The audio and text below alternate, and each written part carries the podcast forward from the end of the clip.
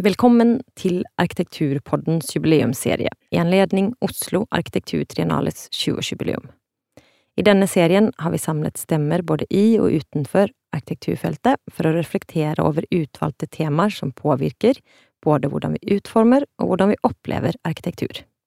Mitt navn er Hanna Densik Petersson. I denne episoden av Arkitekturpodden skal vi snakke om noe som alle bransjer må og bør snakke om – mangfold og likestilling. Temaet er jo ikke nytt og vil nok være evig aktuelt, men i den siste tiden har diskusjoner om både likestilling og mangfold blitt aktualisert i flere bransjer, og ikke minst i politikken. Store globale bevegelser, som metoos inntog i den offentlige diskusjonen i ja, 2017-2018, har i stor grad preget og gitt fart til samtalen, men også bevegelser som Black Lives Matter mer nydelig. Men hva har egentlig skjedd, og hvordan har dette egentlig preget vår bransje, i arkitekturfeltet og blant arkitekter? For å hjelpe meg å forstå dette i litt større grad, har jeg med meg Anna Vik Anniksdal, du er arkitekt og leder for utvalg for likestilling og mangfold i Oslo Arkitektforening. Hei. Hei, velkommen til Arkitekturpodden, Anna. Takk, kjekt å være her. Eh, jeg har også med meg Tina Lam, eh, masterstudent i byutvikling ved Norges miljø- og biovitenskapelige universitet, NMBU, eh, og du er også redaktør for arkitekturmagasinet Kvote. Velkommen, Tina. Takk skal du ha. Veldig fint å ha dere begge her.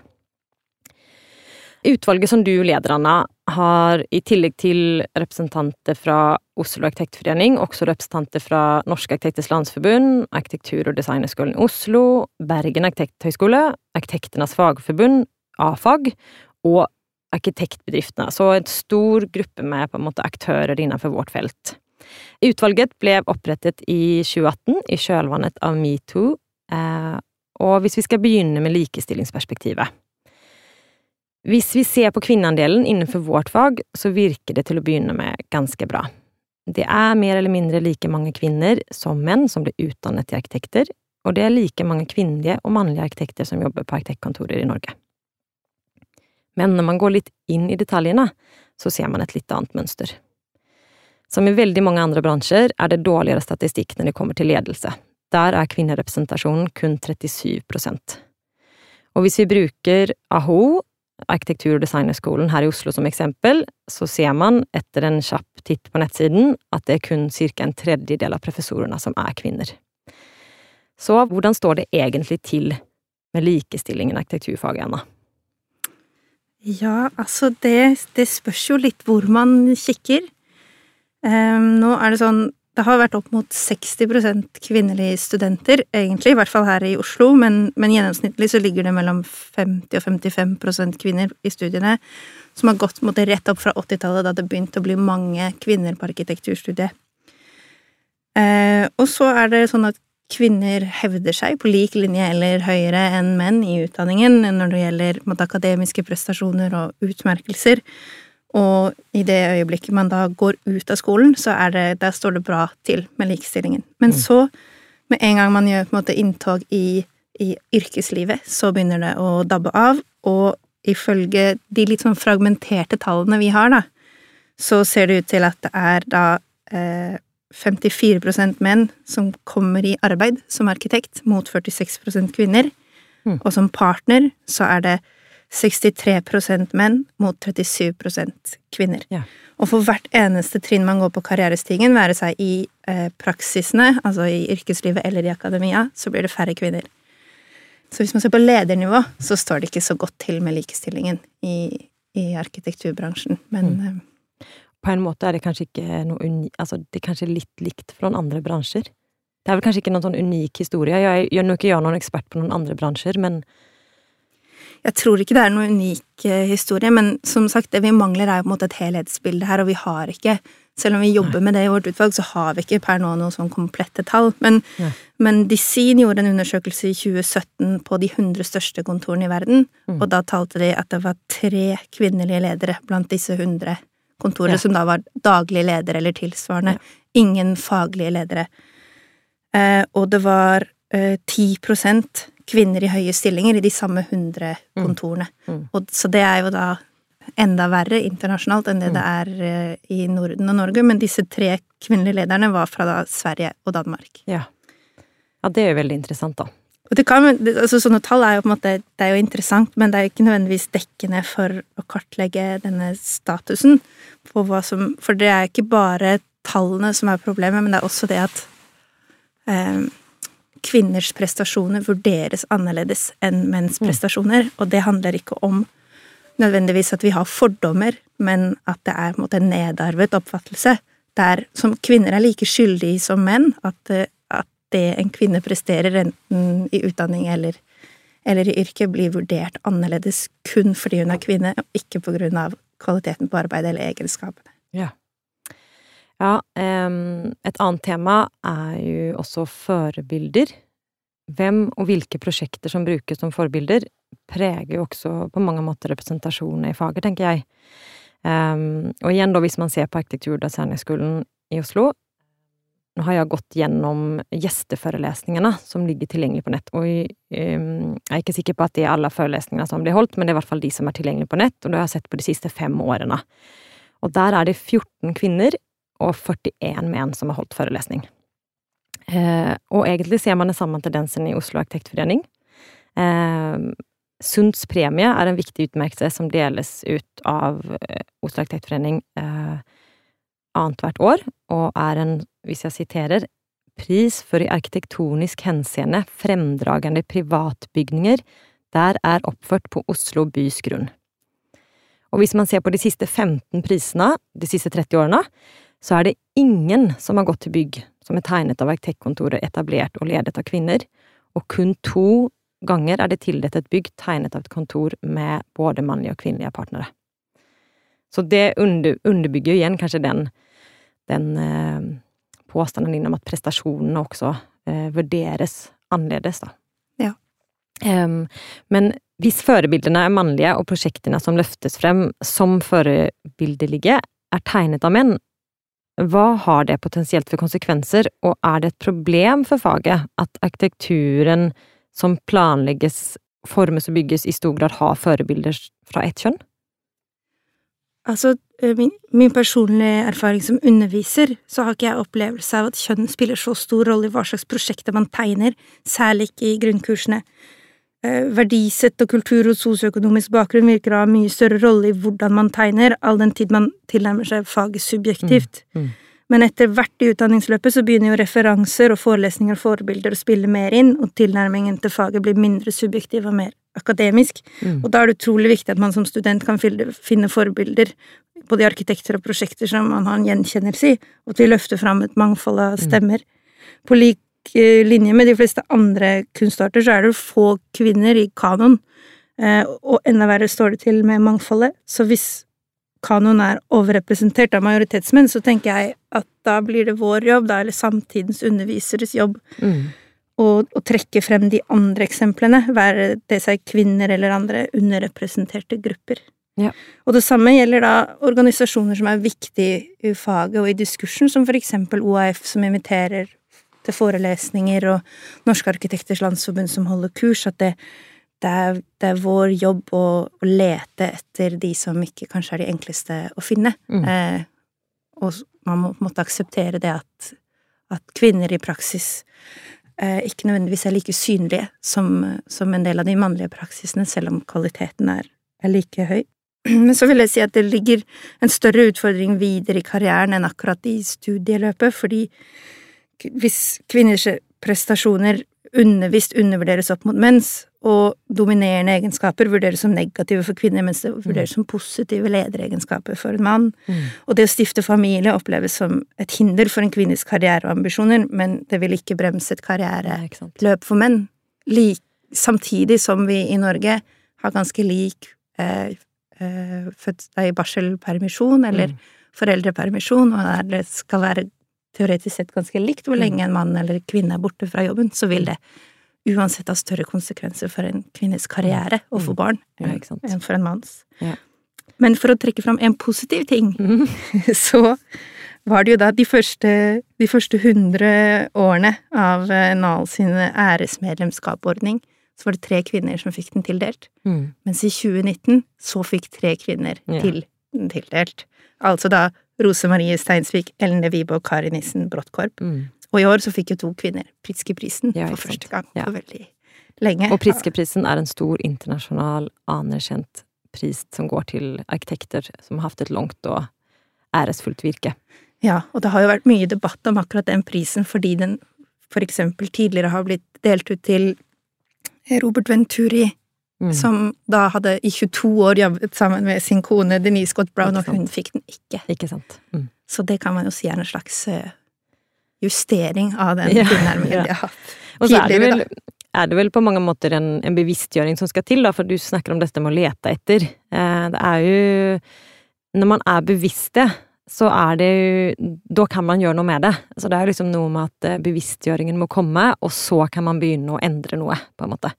Og hvis vi skal gå litt um, vekk fra kjønn, da, og snakke litt mer om, om et bredere mangfoldsperspektiv. Tina, Eh, tidligere i år så skrev du en tekst som het Fra de andre nordmennene, som handler om mangfold, og om representasjon blant arkitekter og i det arkitekturfaglige miljøet. Du skriver i teksten, og da skal jeg få lov å sitere deg, eh, i et fagfelt som planlegger og bygger for alle, er det helt naturlig å stille spørsmål rundt hvem som sitter med definisjonsmakt, og hvilke stemmer som blir inkludert og utelatt og i det hele tatt hvordan inkludering og mangfold spiller inn. Arkitekter er en homogen gruppe. Jeg kunne vært enda mer eksplisitt ved å bare si rett ut at Arkitektur-Norge er ganske hvitt, og da snakker jeg ikke om våre hvitmalte stuer.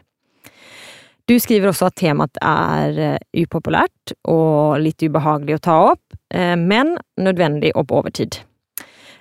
Så Tina, hva fikk deg til å skrive denne teksten, og hva tror du gjør at vi ligger så langt bak? Jeg kan ta det første, eller siste først. Ja. eh, Hvorfor det ligger så langt bak.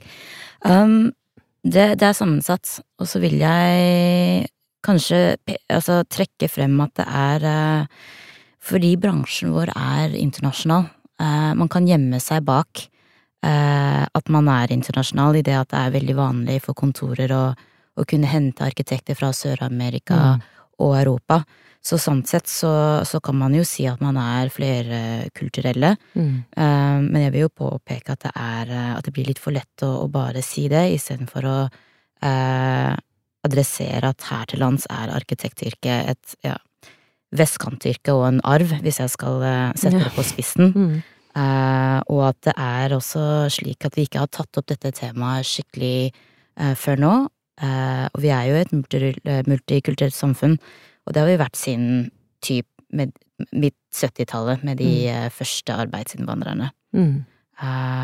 Og på hvordan teksten ble til, så um, starta det med en oppgave på Rom for kunst og arkitektur. Der jeg skulle kartlegge um, formidlingen av arkitektur. så typ finne ut av um, hvordan arkitektur skrives i media. Og siden jeg har statsviterbakgrunn, Mm. så var det jo naturlig å også sjekke ut um, eh, hva slags historie som blir fortalt, eller ikke eh, blitt fortalt. Mm. Og da mente Gjertrud Steinsvåg, eh, sjefen min på rom, Mm. at dette kunne bli en tekst. Eh, og da da Mm. ballet det på seg da, kan man si. Mm. Um, mm. Du, du snakker om at dette var et, en tekst som kom ut av et prosjekt som, som du var en del av på Rom for kunst og arkitektur. Eh, men er det noen annen motivasjon eh, i, for deg å skrive den teksten, eller kom det bare derfra? Eh, nei, det var nok en, eh, en kombo, eh, vil jeg si, da, da jeg fikk tilbudet, for det var jo et tilbud eh, om, om å skulle skrive en sånn type tekst. Eh, så tenkte jeg at eh, det her var et momentum, og det er jo Altså, det her er jo et tema jeg har tenkt lenge på. Det, jeg har jo alltid nesten vært den eneste som ser eh, annerledes ut i, i et rom. Uh, og jeg var jeg er fullt klar over hvilken bransje jeg var i ferd med å bli en del av. Uh, personlig har jeg ikke opplevd uh, ubehagelige ting ved å være annerledes i, i denne bransjen. Eh, folk har jo stort sett vært hyggelige, Mm. men det er eh, Men det har noe med at jeg har tenkt på at jeg har et visst ansvar, eh, tenker jeg. At jeg ikke bare drar den stigen opp etter meg. Mm. med tanke på ja, kommende generasjoner, da. Mm. folk som ikke visste at dette her er noe de kunne gjøre, fordi mm. de ikke har sett seg selv i det. Um, så det så det har vært ja, deler av motivasjonen til å, til å skrive ned teksten, og, og at Rom i det hele tatt var så gutsy og kjørte på. Mm. For jeg tenker at den teksten du skrev, er jo ganske personlig, eh, mm. på en måte. Um, og det tenker jeg er veldig bra, for det er jo på mange måter det det, det handler om. Mennesker. Altså enkeltmennesker. Eh, og måten de enten er innafor eller utafor, på en måte.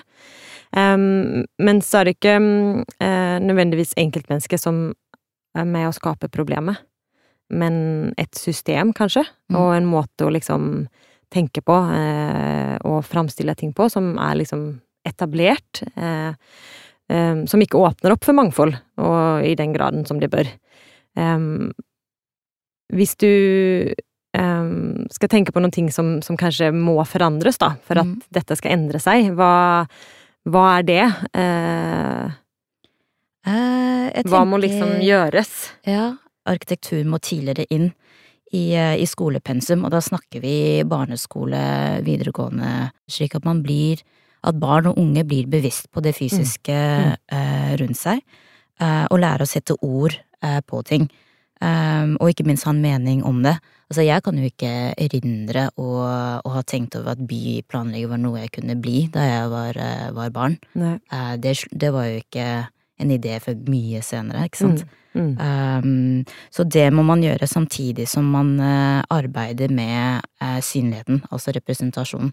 De to oppgavene må gjøres mm. samtidig. Mm.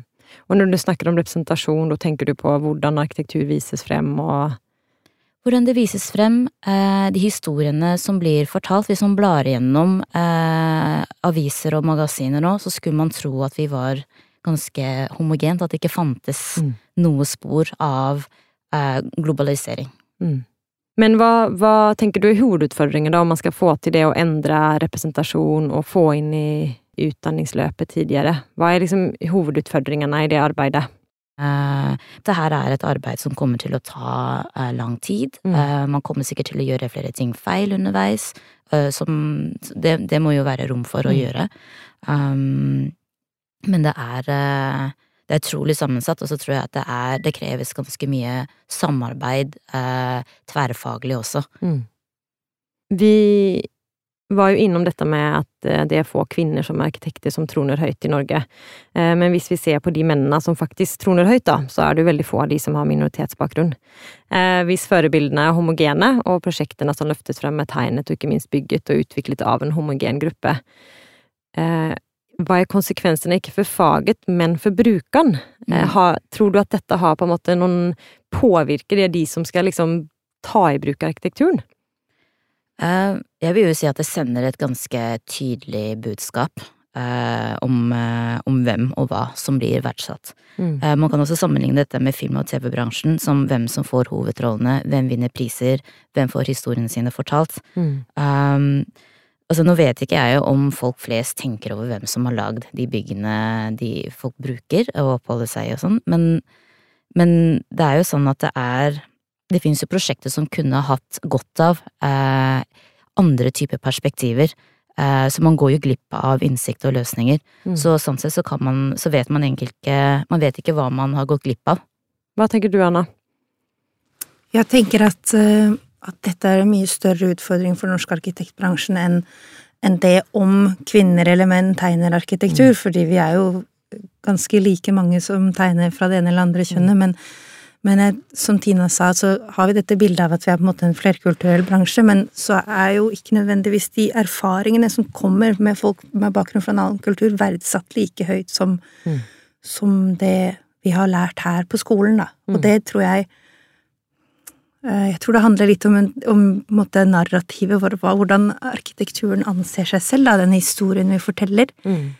Um, både både internasjonalt, men i Norge så er det et litt sånn arkaisk bilde av at det fins et sånn et stort geni, en mester, som historisk sett har vært en hvit uh, mann, som har de geniale ideene, og som lager på en måte enkle, eller enkeltstående mesterverk. Mens egentlig så er det jo nesten alltid uh, et samarbeidsprosjekt, og, og, bak alle disse store Starkitect-navnene så står det titalls eller hundretalls med eh, kjempedyktige arkitekter fra mange land og med mange bakgrunner og mange kjønn som, mm. som er vel så instrumentelle i å lage de prosjektene som, som den som får navnet sitt på det. Ja, og det er på en måte en tradisjon, et bilde som går helt tilbake til Beaux-Arts, og, og, som på en måte jeg tenker er en litt sånn eh, feil oppfatning av hvordan bransjen egentlig er. Mm. Og det ødelegger eh, det ødelegger for oss, fordi det lager en sånn kultur der, eh, der det blir rom for at man skal kunne jobbe jobbe hardt for å bli sånn som den store mesteren, at man skal jobbe gratis. Du skal som student ha eh, minimum 50 timers innsats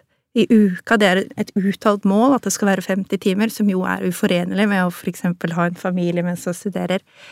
Og du skal kunne jobbe gratis på kontoret, være med på konkurranse, legge ned masse egeninnsats og tid, som da fordrer at du har en god økonomi fra før, fordi du har råd til å ta en jobb du ikke tjener penger på. Mm. Og internasjonalt er det jo et kjempeproblem med ubetalte internships som varer i flere år, der du ikke får betalt. Mm. Fordi du skal, være, du skal, være glad for at du får jobbe på et av de store kontorene, du er heldig som får sette det på CV-en. Og det er en sånn eh, offer, ofre deg selv mm. for det store faget arkitektur, da, yeah. som jo er på en måte litt spennende, men også veldig skadelig. Det er jo tydelig at det er klassedimensjon her også, mm. som vi ikke har nevnt ennå. At det er et overskuddsyrke. Ikke alle eh, har råd, rett og slett, mm. til å gå inn i dette feltet mm. eh, nesten ja, 200 ikke sant? Og mange går jo også nå på forskoler før de søker på mm. arkitekturutdanningene. Og de er jo dyre forskoler som veldig få egentlig har råd mm. til. Mm. Eh, så det er et problem som vi ser både i Norge, men også også internasjonalt, at det blir de på en måte de allerede bemidlede studentene som studerer arkitektur, mm. og det er lite søkere fra bydeler øst i Oslo mm. til, eh, til AO, for eksempel. Yeah. Mens man kanskje kan se at en del av de som kommer inn med litt andre perspektiver, tegner utrolig interessante prosjekter fordi at de har bodd på en annen måte og mm. vokst opp på en annen måte enn det som er gjennomsnittet på skolen. Ja, det er jo litt interessant, for det er jo det er som at det historien virker kanskje litt mot, eh, mot oss i dag, da, men, og at det er, det er en interessant liksom, motsetning, det at faget handler jo om Altså, det handler om å lage rammer for liv, da, tenker jeg. Arkitektur handler jo om å, å skape det som omgir mennesker i alle faser av livet, da.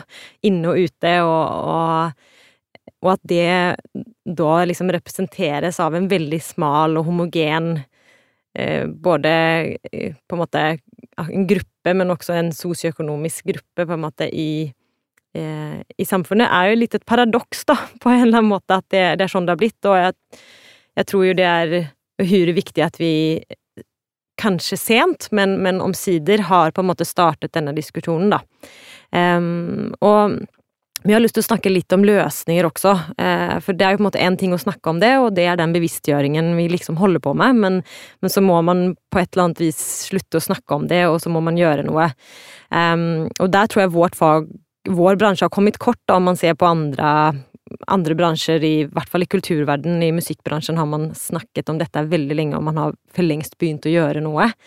Men hva er det man skal gjøre? Og basert på din erfaring, Annas, med det arbeidet som er gjort med dette utvalget i Oslo Arkitektforening, eh, hvor må man begynne? Altså, det, det viktigste suksesskriteriet for å oppnå likestilling, i, eller bedre likestilling, da, i bransjen, er at eh, ledere har sett at det er et problem og ønsker å gjøre noe med det. Og det samme mm. vil jeg tro gjelder for å få en mer mangfoldig både studentgruppe, men også arbeids, eh, arbeidsstyrke i arkitekturen. Mm. Um, det handler jo på en måte om å ta, ta det på alvor, og, og, det tenker jeg at kanskje ikke arkitekturfaget eller arkitekturbransjen har så veldig gode måte, tradisjoner for å ta, ta grep i egen bransje. Etter, etter metoo så har det jo ikke vært noe særlig snakk om det i i det norske arkitekturfeltet, selv om det lagde ganske store ringvirkninger i mange andre kunst- og kulturfelt. Mm. Eh, mens, og det kom jo også en, eh, noen tall fra AFAG om hva slags eh, statistikk de klarte å samle på seksuell trakassering og, og lignende negative opplevelser, og mm. som var ganske alvorlige tall, og som ikke ble diskutert. Så, så se på en måte ikke det at, at vi nå står i en situasjon der eksempel Black Lives Matter er veldig aktuelt, at det heller ikke får så automatisk store ringvirkninger i arkitekturen hvis ikke vi, hvis ikke vi setter det på dagsorden selv. Det skjer ikke av seg selv. Ja. Men eh, utdanningsinstitusjonene, de opplever jeg at har ganske klare og uttalte mål Mm. for hva de, hva de ønsker å få til, og eh, AO for eksempel har et utvalg for likestilling og mangfold som jobber både med å få bedre studentmangfold og flere, bedre representasjon i gjesteforelesere og juryer og eksterne kritikere, og BAS, som har hatt eh, dårlig kvinnerepresentasjon i høyere stillinger, har de siste årene gjennomført flere sånne ansettelsesrunder der kvinner som i utgangspunktet ikke kvalifiserer til førstestillingskompetanse, og førstestillingene har fått skreddersydde og betalte kompetansehevingsløp. Ja. Eh, og så da etter to år kvalifisert Mm. til disse stillingene. Ja. Og NTNU, altså hele NTNU, har et eh, budsjett for likestilling og mangfold på fem millioner, som inkluderer tiltak som lete, finne komiteer i forkant av utlysninger, startpakker for det underrepresenterte kjønn, være det seg da menn eller Mm. kvinner, Mm. og kvalifiseringsstipend og sånn. Men, men på tross av liksom alle disse gode, gode tiltakene, så er det skeivt. Mm. Ja. Og, og det tror jeg handler mye om det litt sånn uformelle nettverk, at, at det, da, aller, fortsatt så sitter det menn i de høyeste stillingene, og når de da ansetter folk, så ansetter de folk som de tenker at ligner litt på seg selv, helt underbevisst, så da blir det kanskje mer naturlig at de gir det til en litt yngre mann, Mm. som har litt lik erfaring og bakgrunn som seg selv. Så det, det, er, det er mange ting som Mm. jobber litt sånn imot de gode Og det der tror jeg akkurat det der med ansettelser tror jeg er en viktig del av det, og der tror jeg det, man kan sikkert øke bevisstheten veldig rundt hvordan de prosessene faktisk foregår. og det tror jeg ikke er unikt for vår bransje. All, altså nettverk er alt når du skal få en ny jobb, eh, og har du ikke det riktige nettverket, er du ikke innafor igjen, så er det vanskelig. Eh, Men hvis man, hvis jeg spør deg, Tina, eh, ut fra dine erfaringer, hva tenker du er viktigst for å gå videre framover på en annen måte, da? Der mangfoldet i bransjen er større, eh, og forbildene har en større bredde.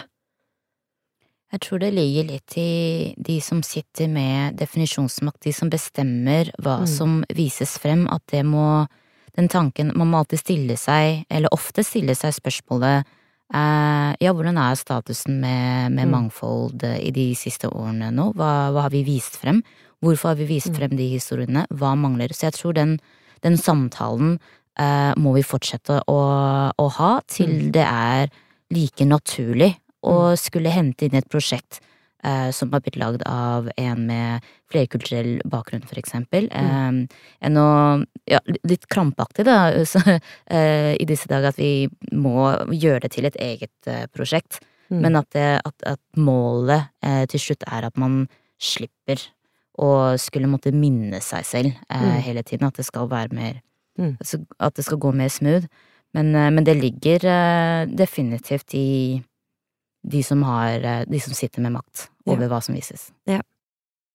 Tusen takk for at dere kunne være med meg her i dag og snakke om disse tingene. Dette er en sped begynnelse på mange måter. eh, I hvert fall fra Oslo Arkitekturtriennale sin side, og fra denne podkasten sin side. Vi skal prøve å gjøre vårt i tiden framover. Eh, veldig fint å høre deres erfaringer eh, om dette viktige temaet. Arbeidet fortsetter. Tusen takk. Takk. Takk.